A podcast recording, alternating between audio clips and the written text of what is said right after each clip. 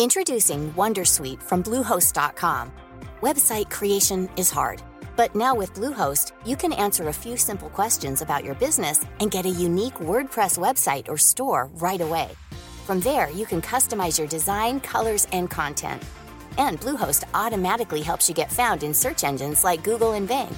From step-by-step guidance to suggested plugins, Bluehost makes WordPress wonderful for everyone. Go to bluehost.com/wondersuite.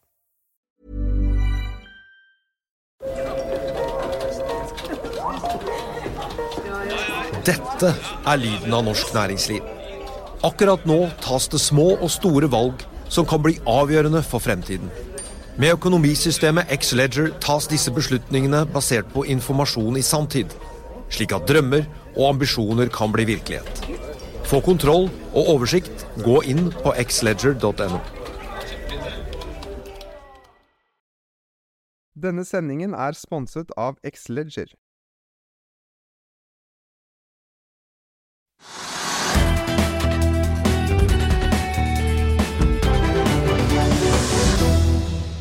God torsdag, happy thanksgiving til våre amerikanske venner i dag, og velkommen til Økonominyhetene på denne siste torsdagen i november. I dagens sending blir det mer om rentehoppet i Sverige, og så får vi besøk av en JP Morgan-direktør som forklarer hvorfor den amerikanske storbanken fortsatt har troen på energisektoren, og hvorfor de mener rentemarkedet vil være hett fremover, samtidig som man skal vokte seg for én type investeringer.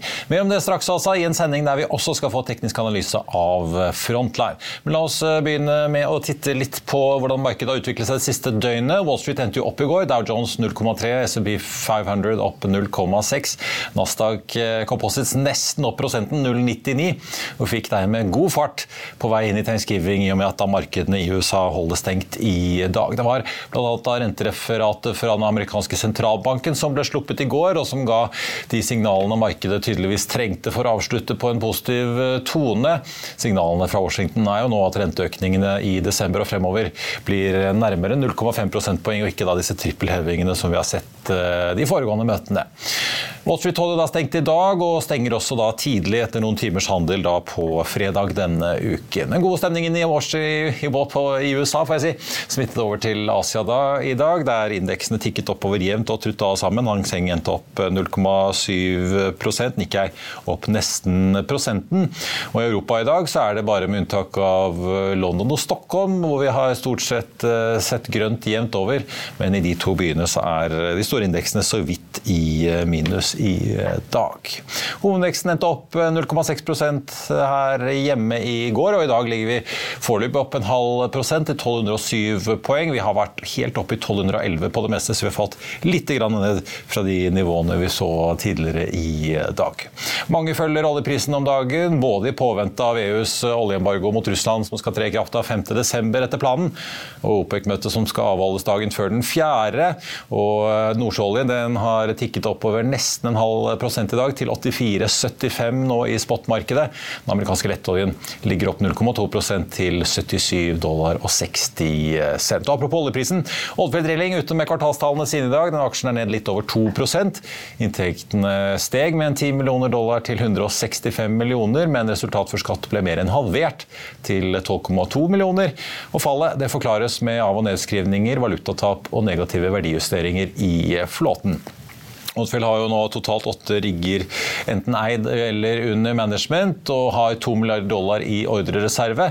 Og har i kvartalet inngått nye kontrakter med Aker BP, Equinor da på norsk sokkel, samt da kontrakter i Namibia og også i Canada. Investeringer i olje- og gassproduksjon ventes å øke betydelig de kommende årene, og vil lede til høyere boreaktivitet, skriver selskapet i kvartalsrapporten. Andre oppsummerer det jo så enkelt som at rigg er digg. Avans Gass deiset ned i dag og er etter litt uh, svingninger i markedet fortsatt ned 7 Gassfraktrederiet lever jo godt på at LPG-ratene har gått rett til himmels i høst og fortsatt ligger opp mot rekordnivåer. I tredje kvartal var likevel inntjeningen litt mer beskjeden for Avans. Driftsresultatet endte på 16,6 millioner dollar. Det var svakere enn i andre kvartal, men bedre litt bedre enn det analytikerne ventet, som var da på 15 millioner. Utbyttet ligger stabilt på 20 dollar cent per aksje, samme som forrige kvartal. Advinta har også svingt mye i starten. Denne spin-offen fra Skipsted har stabilisert seg og ligger nå inne med en oppgang på rundt 6,5% Selskapet taper fortsatt penger og skuffer litt på EBTA-nivå, men de opprettholder guidingen sin for i år. Samtidig så skriver Adevinta at selskapet er citat, trygge på at de vil oppnå en tosifret omsetningsvekst i kjernemarkedene i 2023, til tross for et svakt eh, makrobilde. Og eh, så er det jo sånn at eh, Resultat før skatt endte på minus 48 millioner euro i kvartalet. En omsetning på 408 millioner og en EBITDA på 132 millioner euro. Så er det også sånn at Adevinta har jo fått ny sjef i år, etter at Rolf Erik Ryssdal takket for seg. og Selskapet annonserte i dag også flere andre endringer i ledelsen. Pantelskapet Envipco nesten doblet omsetningen sin i tredje kvartal og triplet inntjeningen. Sjefen selv han kommer til Børsmorgen i morgen, så det er et intervju som er verdt å få med seg om denne Tomra-konkurrenten. Det skjer jo en god del ting i pantemarkedet nedover i Europa. La oss i Finansavisen hjelpe deg med å holde deg oppdatert på alt som skjer i finans og næringsliv. Hver morgen er jeg, Marius Lorentzen, og aksjekommentator Karl Johan Målnes på plass i studio for å ta tempen på dagens marked i Børsmorgen. På ettermiddagen oppsummerer vi alt du trenger å vite i økonominyhetene, og så får vi selvfølgelig besøk av masse interessante gjester. Du finner oss på fa.no-tv, eller ved å søke opp Børsmorgen og Økonominyhetene der du hører på podkast.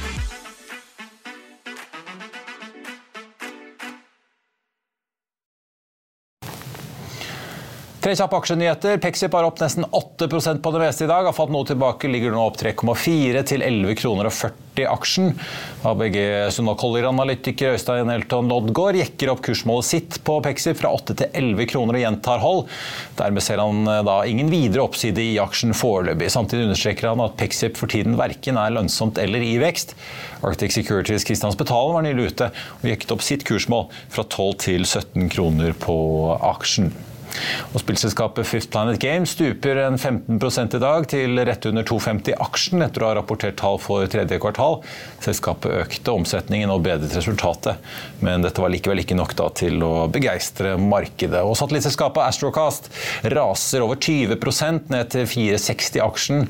Torsdag ble det kjent at Hyber trekker seg fra avtalen med selskapet og krever samtidig at et konvertibelt lån på 1,5 millioner euro blir da innløst. Astorkast bestrider kravet og vurderer rettslige grep. Nå makro, nærmere bestemt svensk økonomi. Vi tok en prat med kollega Are Haram om det nye rentehoppet som ble varslet fra Stockholm i dag, og hvordan det egentlig står til med svensk økonomi. Are Haram, vi snakker jo veldig ofte om Norges Bank og Federal Reserve, men det har skjedd litt eh, borte hos våre naboer i Sverige.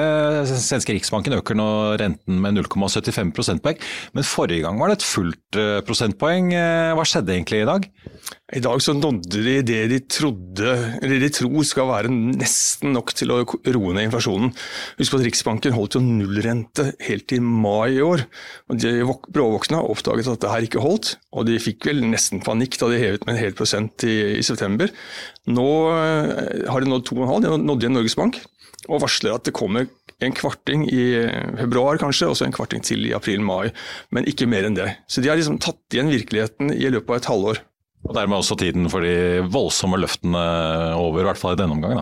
Ja, Den nye rentebanen tilsier altså et halvt prosentpoeng til før sommeren. og Det er nesten like mye som Norges Bank signaliserer. Så De tror jo, i likhet med de fleste andre sentralbanker rundt oss, at tiden for de store skrittene ser ut til å være over. Are, Vi må snakke litt om eh, hvordan det går i svensk økonomi òg. fordi at eh, De har jo da boligpriser som faller. Vi så de forrige inflasjonstallene som kom. De viste et hopp på et prosentpoeng til 10,8 eh, prisvekst. Det virker som det går litt trått der borte? Ja, det gjør det. Riksbanken tror nå at ledigheten vil øke mer, og de tror at veksten vil synke og investeringene vil synke. Vi har hatt boligprisfall siden rentene var veldig veldig lave i Sverige, eh, så renteøkningen skal ikke ha hele skylden for det. Svensk næringseiendom er tilsynelatende en koloss bygget dopet på nullrente, og der sliter man veldig kraftig. Nå har Riksbanken endret sine inflasjonsprognoser også. De, de, venter nå litt høyere inflasjon neste år enn de har gjort, 5,5% i snitt. Men eh, også, jeg syns det ser litt optimistisk ut, for de tror at inflasjonen neste desember er nede på tretallet, og at de er tilbake på målet på 2% i slutten av 2024. Vi får se. Det snakkes jo veldig mye om SBB, Castellum, Balder, alle disse store svenske børsnoterte eiendomsselskapene som har kjempebalanser og mye gjeld, inkludert også Heimstaden. Hvor farlig er dette for svensk økonomi egentlig? Er det en sånn skikkelig slugger som kan velte ting, eller er det mer sånn at alle vi som er opptatt av økonomi og finans sitter entusiastisk og følger med på dramatikken utspille seg? Klin mulig å si hvor, hvor, alvorlig det blir, men at det blir tøffere eh, for næringseiendom nå som rentene begynner å bli noe man må regne på, er helt åpenbart. Eh, Norges Bank er bekymret for et eh, fall i næringseiendomsprisene på 20-25% i Norge. Hva Riksbanken måtte eh, vente, det har ikke jeg rukket å sjekke, men det ser jo ikke veldig bra ut på denne biten. Da skal vi til dagens gjest, som har tatt turen ikke bare til oss, får vi si, men er tatt turen til Norge i dag. i hvert fall. Oskar Forsberg, leder for Private Banking i JP Morgan Stockholm. Velkommen. Takk så mye. Først, Før vi snakker om markedet og ting som skjer. Eh, for de som ikke kjenner JP Morgan utover navnet og at det er en stor amerikansk global eh, bank, fortell litt om JP Morgan i Norden. Hvor store er dere, og hva driver dere med her, egentlig? Ja, Først og fremst, JP Morgan er jo også den verdens største bank. Ja. Med det høyeste market cap og den beste balanseregningen. Så det er verdt å holde fram. Det är extra relevant i dessa tider när det skakar lite överallt eh, i olika marknader. Men i Norden så har vi faktiskt kontor i Stockholm, Oslo, Köpenhamn och Helsingfors. Vi har cirka 70 personer i Stockholm, fär, antal färre i Oslo.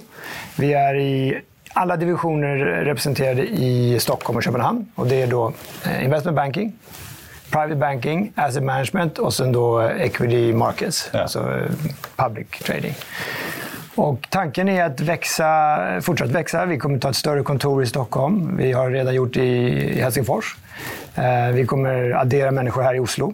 Eh, tanken er å kunne gjøre lokal representasjon på private banking her i Oslo. Eh, det, man måste... jeg lurte på, altså, En ting er jo store globale foretak eller family offices som på en måte har en litt mer global tilnærming, som kanskje ja. bruker dere for å ja. være til stede i Norden. Men andre er jo svenske, norske, finske foretak og privatpersoner som bruker dere. Er det der dere vil vokse mer? da? Ja, altså over hele, hele vertikalen faktisk, og hele bredden. Tank, en, vi tror på att vara lokalt representerade men att jobba globalt. Och det, det, kan låta som en klisjé, men det, det, funkar väldigt bra i finansmarknaden. Vi har enorm respekt för våra nordiska kollegor. Så vi är aldrig en ersättare av det nordiska systemet, vi är ett komplement. Så oavsett om du är en bedrift eller om du är en investerare när du når en viss storlek så behöver du en internationell partner. Och där, där är vi då. Ja. Och då är det enklare när vi är här på marken. Även om mycket av det vi kallar content, alltså tänkare, analytiker, research, eh, industriteam sitter i London, Paris, New York och i Asien. Vilket leder till att det blir en enkel accesspunkt, men med full access till firmans alla resurser. Så det, det, är, liksom, det, är, det är tanken. Sen skyndades hela processen på tack vare Brexit. Eh, vilket gjorde att vi fick en extra knuff i ryggen i och med att den amerikanska banken... Vilket bara sitter i London? Exakt. Ja. Av hävd så sitter amerikanerna i London och så sitter européerna och hoppas att det ska komma till Paris eller Frankfurt. Det hände aldrig. Utan vi behöll allting vi kan. Så all, återigen sitter vi fortfarande säkert 90 procent, 70 och 80 i London. Och sen sitter vi som är coverage, eh, representanter, alltså client eh, people. Vi sitter i städerna. Ja. Oskar, vi må snakke litt om uh, markedene. og liksom, Gitt at dere har dette svære apparatet JP Morgan som jo sitter og regner og har Excel-ark på det meste, vil jeg tro. Nå har vi jo hatt et veldig ustabilt uh, år i år. Mange av indeksene globalt er ganske mye ned, men vi har sett september, oktober og inn i november. Også på Hall Street, uh, men også her hjemme i Norden, at ting har gått ganske så bra. En slags sånn fall rally. Tror dere at dette kan vedvare, at dette momentumet vil fortsette? Både ja og nej, om man får svara som en politiker. Eh, det, det är så att vår, firmans officiella target på slutet av 2022 är 4 000 ja. på S&P 500, eh, amerikanska index. Och eh, där är vi, och det, men det är fortsatt väldigt biddat. Det var en hyggligt stark stängning igår innan Thanksgiving. Eh, det, det, var dels på grund av förändrade liksom, tonen på minutes från Fed. Det är ja, en rad olika orsaker. Men eh, vi, är, vi tror definitivt att det kan bli en liten overshoot, men, men det är, det, man kan dansa ganska nära dörren just nu. Ja, men vi er jo så vidt over 4000 ja. Då, så da... Och, och tittar man på, vi hade ett sommarrally också mm. som gick eh, cirka 17% upp under sommarmånaderna. Och det slog i, om man gillar teknisk analys, på 200 dagars eh, glidande medelvärde och även en, en långsiktig trendlinje. Nu är vi på 4000 exakt på 17 eh, procent upp i det här rallyt oktober som du nämnde, och november. Med eh, igen på väg att träffa 200 dagars glidande medelvärde och den långa trendlinjen. Och det gör att det bryter det kan vara oerhört starkt, men det kommer vara, lite, liksom, det kommer vara ganska mycket motstånd her nu, ja. upp til 4100. Och vi går ju inn i en litt ny fase. Alltså, på den tiden i fjor da, så lå jo den amerikanske tiåringen på omtrent halvannen, altså 1,5% yield. Nå ligger vi liksom på 3,7, men vi har jo vært over 4 og litt apropos disse Fed-myndighetene som du er inne på. Nå er det jo ganske kraftige signaler om at uh, nå går de kanskje ned fra å øke med 0,75 til 0,5. Vi så jo svenska Riksbanken i dag også begynte å trappe ned. De gikk fra å øke med 1 til 0,75. så det det kan kanskje se ut som vi nå begynner å nå en slags avmatning. og en slags, eh, At i hvert fall gassen tas litt av. Det leder oss jo over til rentepapiret, altså fixed income, eh, veldig, som har vært ganske krevende. Eh, I hvert fall litt avhengig av hvor du sitter. da. Vår egen sjef for oljefondet var jo veldig fornøyd med at de tok ned en del langdurasjon nettopp for å på en måte unngå denne verste rentesmellen. Men vi har jo sett flere rentefond falle som store teknologiaksjer i år. Men dere ser nå er ganske bull på, på fixed income, rett og slett. At rentemarkedet kan bli ganske interessant fremover. Ja, det, det, det, det skjer redan nå, faktisk. Altså, det er redan en stor efterfrågan. Eh, men vi, vi försöker vara väldigt precisa på det området vi gillar. Och det är alltså korta ändan och det är både i dollar och euro. Och inom det man kallar investment grade. Ja, men kort då tänker du? Upp till tre år ja. ungefär. Och, och det går att vara upp till fyra år också. Men, men just det Eh, det, det, och det är inte nödvändigtvis att det är farligt på, längre ut. Det är mer att kurvans utseende så får du betalt för att du glider ner på kurvan. Mm. De är ganska branta. Och sen blir de väldigt platta. Så det finns en poäng i att ligga i korta ändan. Eh, det finns en stor poäng att ligga i det vi kallar investment grade. Och eh, en anledning är till exempel att vi tror att det kommer en recession nästa år. Och då kommer, oavsett vad, vi, vad som händer i aktiemarknaden och värderingar, så kommer det komma konkurser till exempel.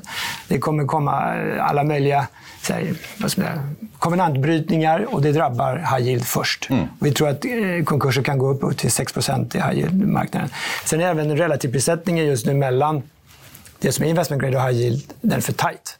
Så att det finns relativt sett... Rentedifferansen er ikke stor nok rett og slett å forsvare kredittrisikoen? Ja. Så, exakt, og relativvärdet i, i investment grade är väldigt bra. Om du är en norsk investerare idag vilket är åtminstone intressant för mig. Nu är ni världsmästare på high yield, så jag ska inte tala illa om high yield. Utan det, det kan ni. Er det noen nede på Aker Brygge i norske finansmiljø som blir litt eh, arg på det? Dette er lyden av norsk næringsliv. Akkurat nå tas det små og store valg som kan bli avgjørende for fremtiden. Med økonomisystemet X-Leger tas disse beslutningene basert på informasjon i samtid, slik at drømmer og ambisjoner kan bli virkelighet. Få kontroll og oversikt. Gå inn på xledger.no.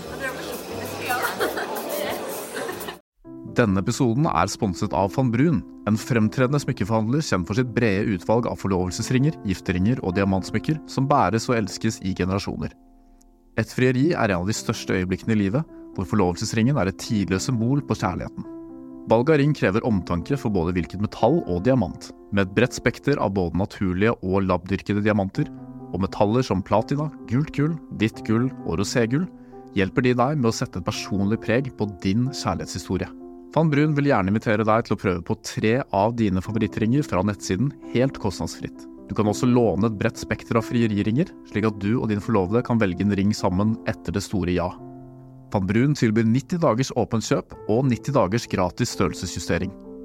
Utforsk deres eksklusive sortiment i luksuriøse omgivelser Bok en konsultasjon sammen med en diamantekspert i deres showroom i Oslo. Eller online på vanbrun.com. V-a-n-b-r-u-u-n.com.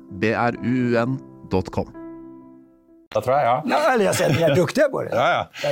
Men eh, då, en norsk investerare kan i dag ta sine norske kroner, köpa dem euro på tre månader, sälja tilbake dem på en gang. Det kallas for en valutaswap. Det betyder at du har ingen eurorisk. Och så kan du investera gjennom JP Morgan till exempel, i en kurv av eh, investment grade bonds og på så vis erhålla över 5% med kort duration og A som genomsnitts, alltså rating, rating ja. A. Och det, är en, det ser vi som et otroligt värde. Det, det, det, är- det är någonting. Det är 5% det är det man kallar compound interest. Otroligt kraftfullt fenomen i finansmarknaden. Gör du 6 per år så har du dubbla pengarna på 12 år. Så det säger en del om att det finns en poäng i att inte sträcka sig för mycket hela tiden. Utan nu, nu är det väldigt bra värde i... eh, Du sa at dette var allerede i gang. Altså, betyr det at dere ser at folk, altså investorer flytter, eh, har begynt å flytte ganske en god del kapital over fra aksjer til uh, fixed income igjen? da? Jag tror inte retail gör det. Nej. Men jag tror att en del, lite, om man tänker på våra kunder, om, om man får, man får vara fräck och dela in marknaden så har du retail som tyvärr kan ibland få informationen sist. Och sen institutioner som är, åtminstone hävdar att de är väldigt smarta och det gör de ofta. Men, men sen har du det riktigt smarta kapitalet som är de stora privata investerarna. De, de har alltid tillgång till information för de söker upp den själva väldigt aktivt. Och där ser man snabba förflyttningar. Och där, just in till investment grade ser vi redan sker. Och vi, och vi, vi fångar mycket av det flödet. Ja. Och det er rätt och slett fordi att... Men, det, men det, det, det, är inte, det är inte över. Det finns massa utrymme att gå in och fortfarande. Ja, ja, ja, for jeg tenkte gitt at eh, som vi snakket om renteøkningen den begynner å avmate, da er det på en måte nedsiden i, i verdien på disse rentepapirene begynner också på något nås. da. At Exakt, da precis. ja. Exakt. Ja. Och det, blir, det blir en väldigt fin buffer också. För om de slutar höja kraftigt, då, då har du liksom... Då får du den här, eh, du glider ner på kurvan, vilket gör att du hela tiden skapar en buffer om de skulle överraska och höja igen. Och då, på så vis så kan du undvika förluster. Men det at dere forventer en resesjon, eh, antar det gjelder både Europa og USA? da? Det, Europa är lite mer komplicerat med antall antal länder, men, Ja. men ja, de, det kommer vara. Eh, Men er det noen spesielle sektorer når du da sier at dere forventer at flere, eh, særlig da in high yield f.eks., flere vil slite, kanskje bryte covenants? eh, Da kan vi også kanskje begynne å se litt equity conversions på en del av disse Ja, det en bra eh, bondsene. Men er det noen spesielle bransjer eller sektorer som blir eh, hardere rammet enn andre? Nei, altså, självklart, den generelle regelen er att på grund av de låga räntorna så har många överbelånat sig. Och det gäller både konsumenter och företag.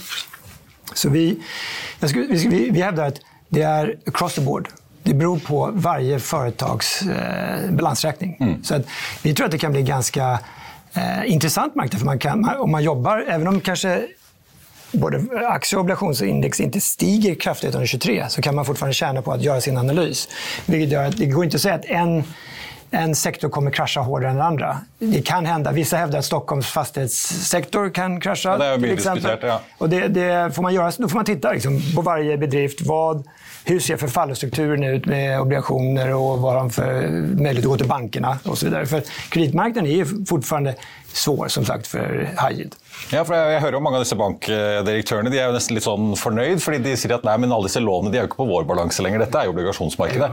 Men eh, litt apropos det du sier da med, med high yield, at eh, vi går inn i resesjon, renten presser jo en del balanser eh, fremover.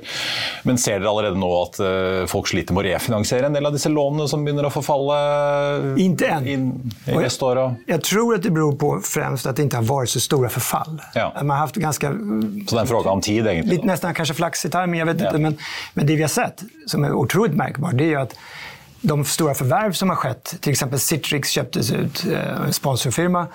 Det var en enorm lånefinansiering på det och där blev de bankerna sittande med det.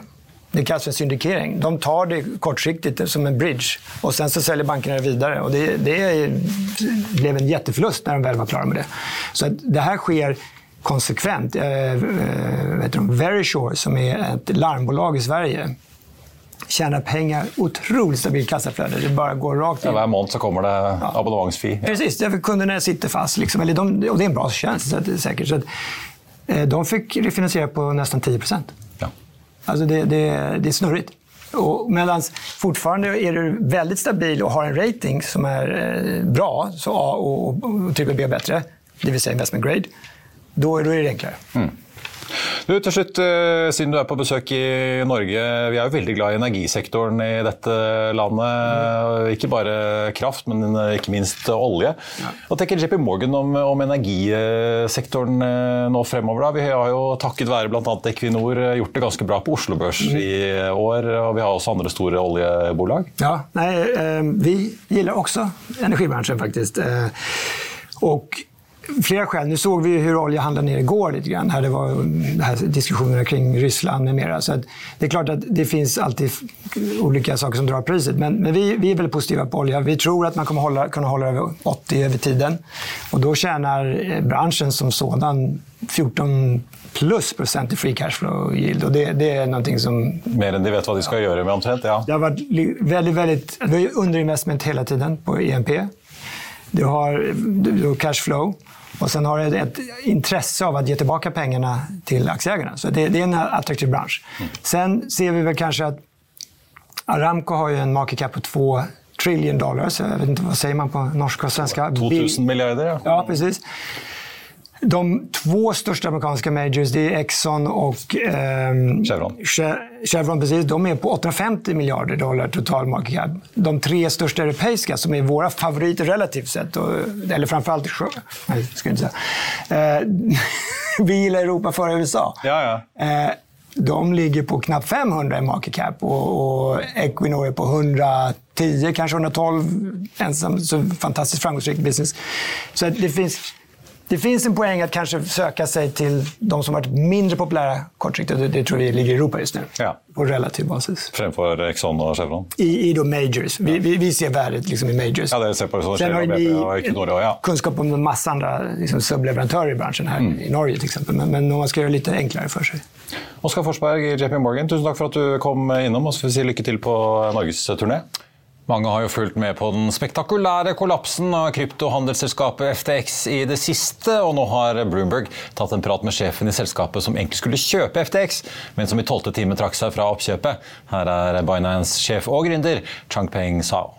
We've been talking about contagion from uh, the FTX fallout. How much more contagion are we likely to see in the coming days, in the coming weeks? Which other dominoes are likely to fall? Um, I think we'll see a little bit of contagion. Uh, whenever one big player goes down, especially a trading platform, there are many other people or institutions with money on the platform. Um, I think we've seen Genesis uh, halting withdrawals. Um, I think there probably maybe one or two more, um, a couple others. I don't know how many, but each time there's cascading effects, the effects become smaller. So I think overall, um, the industry is fine, uh, but there will be some probably. Uh, you tweeted, then deleted a tweet suggesting perhaps uh, uh, liquidity issues at the likes of uh, Coinbase uh, as well as Grayscale. Is there reason to worry about that? Um, I don't think I tweeted about Grayscale, and also I didn't say there's liquidity issues at Coinbase. I was just referring to two articles. One article says Coinbase says uh, the um, Grayscale has 635k bitcoins with them. The other article four months ago says Bitcoin only has 60k, uh, 600k bitcoins on the exchange. I understand the exchange is separate from the custody, so I just posted as a question: Are those two numbers correct? But of course, that caused a lot of misunderstandings among communities communities. So I deleted the tweet. Uh, are there solvency issues to do with those companies? Some say that perhaps you tweeted uh, because uh, you wanted to build your own empire to spread the fear, the rumors. Not, not so. Okay, so I don't know if there are issues with those uh, with those other businesses. Oh, the, the thing with other businesses is unless we get very accurate financial statements, wallet addresses, we don't know for sure. Um, but I, uh, uh but I'm not tweeting that because we want to build our empire. I think I actually reflect on the FTX uh, situation, and I kind of blame myself for tweeting that too late uh, we let um, I think as an industry we let FTX got too too big before we question before we started questioning some of those uh, things. So I'm taking the approach where we question uh, ask questions much earlier. It does not mean any attacks on any of our uh, industry peers. We just want to build more transparency and more scrutiny into the uh, industry. Uh, having said that, you know Coinbase has been operating for 10, 12 years. Um, I think you know they're listed right. company in the U.S. I'm sure they already have a lot of audited financials. Um, just we don't see that on the blockchain. Um, for, for people in the industry, we like to see data on the blockchain, which is actually the most transparent way to display information. Uh, CZ, you've talked about launching a crypto recovery fund. Where are you on that? You've talked about interest being quite substantial. Who's interested? Yes, so we should have a blog article going out today. Um, there's been back and forth on how to structure that. Do we make that a loose fund or do we make it an actual fund fund? I think we're kind of going with a loose approach where in, uh, different industry players will just contribute um, uh, as they wish. So um, I think a, a, blog post is going out today. Um, it's I think we're structuring so that it's going to be quite public. Uh, whoever contributes uh, move the move funds to a to a big to a uh, blockchain crypto address that people can can look at. So it's not just some behind the scenes um, fund. So I think um, that's uh, I think that's kind of being finalized now, and I think a blog blog post is going out soon. But who are you in talks with, CZ? Some say that perhaps uh, entities related to the UAE National Security Advisor. Can you confirm that? Who else are you in talks with? Um, so we talked to for the industry recovery fund. We talked to a number of um, um, other industry players, and none in Abu Dhabi. So that Bloomberg article uh, was wrong. Um, I was in Abu Dhabi last week for the Milken conference. I was there for three days, um, and of course I met a lot of different people in Abu Dhabi, including the Abu Dhabi ADGM, the Abu Dhabi Global Markets Regulator, uh, and a bunch of other people. So people, there's various different reports about who I met, who I talked about, but um, I won't dis- disclose those discussions. But that Bloomberg report is inaccurate. All right, setting the record straight there, CZ. Uh, when might you launch this fund? Will it be by year end? Might you look at 2023? Give us some indication when this launch will be. It, it's going to be much faster. Um, I think, look, the industry needs saving now, not in 2023. Um, the industry moves pretty fast. In a couple of months, the industry probably would have largely recovered. So I think we're, we're going to move move on this on a day basis. So um, and also it's not a traditional fund fund. I think we're, we're going with a loose uh, structure for um, uh, for, uh, uh for industry uh, players to help um, other people in need. Uh, CZ, there are lots of uh, distressed crypto assets out there. Are you setting aside uh, an amount of money to, to buy some of these assets? Give us a sense of how you're thinking about them. Um, I think roughly we're thinking about setting aside a billion dollars first. And then um, if that's not enough, we can allocate more. Um, that's and if that's too much, um, I think we're roughly uh, angling for six months. If after six months there's un- unused uh, funds still left and there's not that many projects, hopefully the industry would have recovered by then. Um, uh, if the, there's still un- unused funds, we can we can withdraw it back. Uh, that's kind of the rough thinking about it. Uh, a blog post will go out with, with some more details today. Might you bid for FTX assets? And if so, what might look interesting for you right now?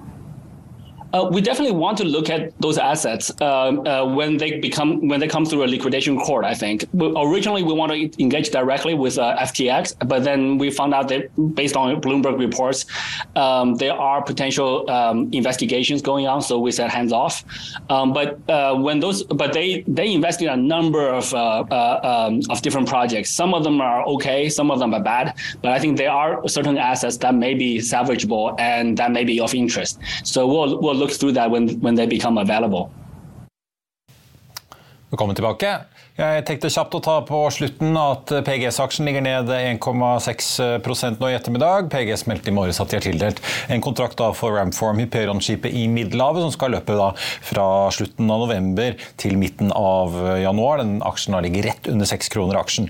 Så tar DNB Markets opp dekning på Oddfjell Teknologi, dette selskapet som ble spuntet av Oddfjell Drilling. DNB Markets har en kjøpsanbefaling, kursmål 50 kroner per aksje. Eh, og den aksjen endte da i går på 24,61. I dag er den opp nesten 7% til 26,27 ligger den på nå. Så vi er også innom Frontline, en av aksjene som har falt eh, aller mest i dag, i hvert fall blant de mest omsatte, for den ligger på andreplass, rett etter Equinor. Den aksjen er ned 5,4 til 136 kroner aksjen. Kepler Chevrolet hever kursmålet på Frontline nå fra 145 til 199, gjentar kjøp. Vi snakket jo på Børsmorgen i går da med Lars Østreng i Arctic, som mener at det i hvert fall på kort sikt kan være litt fallhøyde i tankaksjene etter en veldig solid opptur. Arctic har for øvrig også kjøpsanbefalinger på tanksektoren, fordi de er positive på litt lengre sikt. Ellers på mest omsatte listen, Rex Silicon ligger inne på en tredjeplass, opp 4,7% etterfulgt av Hydro og Hafnia. Hydro opp en halv prosent, Hafnia ned 1,2 og så kommer Aker BP som så vidt er i pluss, og SalMar da opp 3,5 Nett Nail 3,2. Vår Energi faktisk ned en knapp prosent i dag, med en oljepris som da nå så vidt er, har deiset ned i rødt, ned 0,2 84,20 i spotmarkedet. Den amerikanske lettoljen ned omtrent det samme til 77,10. Av selskapene som har sluppet tall i dag, Odfjell Drilling altså, ned 1,9 Avans Gass ned 7,5% Adevinta de stiger omtrent det samme, opp 7,1 etter å ha slitt litt med å finne retningen i starten av dagen, så er det da panserskapet Vipco som også er ute med tall i dag, ned 3,7% Og som vi var inne på da tidligere, Pexip hvor det gjøres litt analytikerendringer. Der er aksjen nå opp 4,6 til 11,54. Loddgård i ABG ligger jo da med et kursmål på 11. Hovedeksten på Oslo Børs, som uh, nevnt tidligere, ligger fortsatt i grønt territorium, opp 0,6% til 1208. Vi så 1211,27 litt tidligere i eh, dag.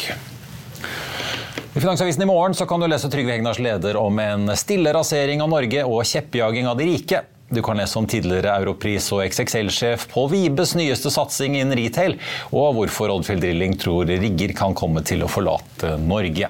Og Det var det vi hadde for deg på denne selveste Thanksgiving Day. I morgen er det endelig fredag, og vi runder altså av uken med bl.a. å prate med panteselskapet Vipco i Børsmorgen 08.55, og så blir det fly- og markedsprat i Økonominyhetene 13.30. I mellomtiden så får du siste nytt på F1 og som alltid. Vi ses i morgen alle sammen. Ha det bra.